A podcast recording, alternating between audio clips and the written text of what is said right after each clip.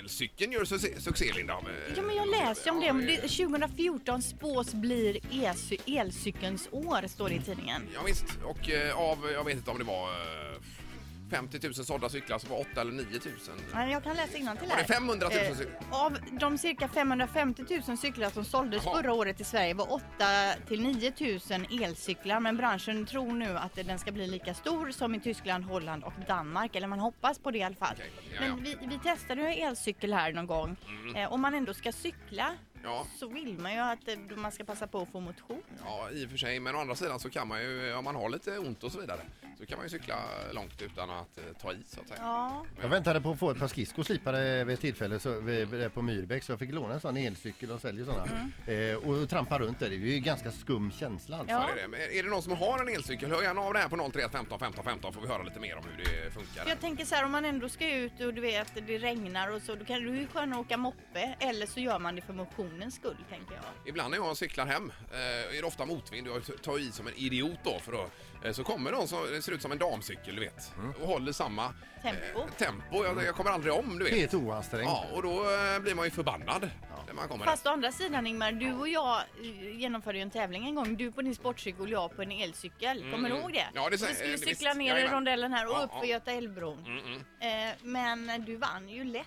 Eh, ja. Jag kom ju liksom, det tog så lång tid innan jag kom iväg på den här tunga Ja, cykeln. Och det. Det gjorde du. Ja, bland det värsta jag har Men sett. då var jag i bra form den gången Linda. Du hade antagligen tagit mig nu också. Eh, ja, vi kan göra ett nytt försök om du vill. Ja, varför det är ju inte? jättespännande. För nu är jag i lite bättre form. Mm, ja, där ser du. Ja. Så kan det vara. Då har vi telefon här. God morgon! Hallå! Hallå! Hallå ja. Hej! Det var elcykeln. Jag har en. Jag har haft den i över ett år. Jag har stelopererat i diskbråck så därför sitter jag på en sån. Ja, ja, och det funkar bra.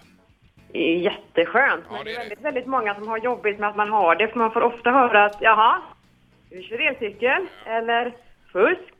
ja, li- visst. li- lite nedlåtande då alltså. Oh ja, oh ja. okej. Jaha, det är inte helt rumsrent. Men nej, men du vet Nej, det avundsjuka. är inte helt kommit på, nej. Men avundsjukan har många ansikten vet du. Så är det. Så Men, är eh, det. eh, diskbrock eh, det, det kan man ju köpa då, men annars tycker jag i princip att man ska trampa utan el.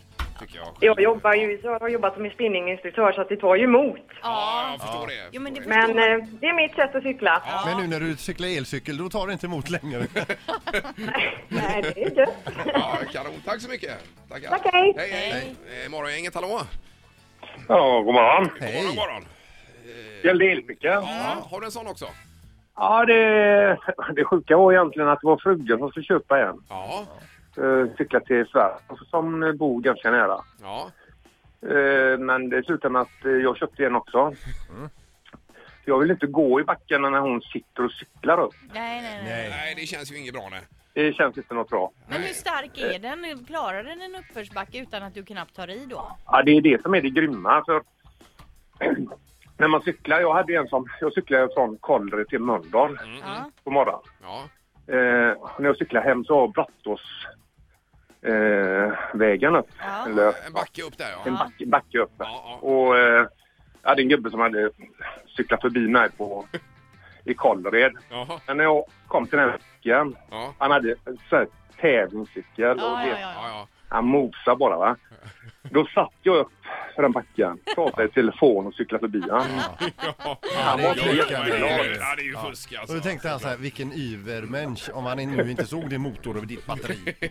Ja, men det är sjukt kul Ja, alltså. ja. Vi har ju ett par äldre par, eller äldre, men de är pensionärer, bor eh, lite ovanför oss i en backe upp där och de kommer ju på varsin sån och bara svischar upp för backen. Det är ju ett- helt otroligt. det Ja, där. Ingmar bor ju i en backe alltså. Ja, det är lite backe där. Trampar du upp i den backen så? Ja, de bara flyger upp där vet du. Ja. Det är- Ja. Nej, det är häftigt alltså. Ja, det är kanonbra. Jag kan rekommendera det. Ja, du gör det. Ja, härligt.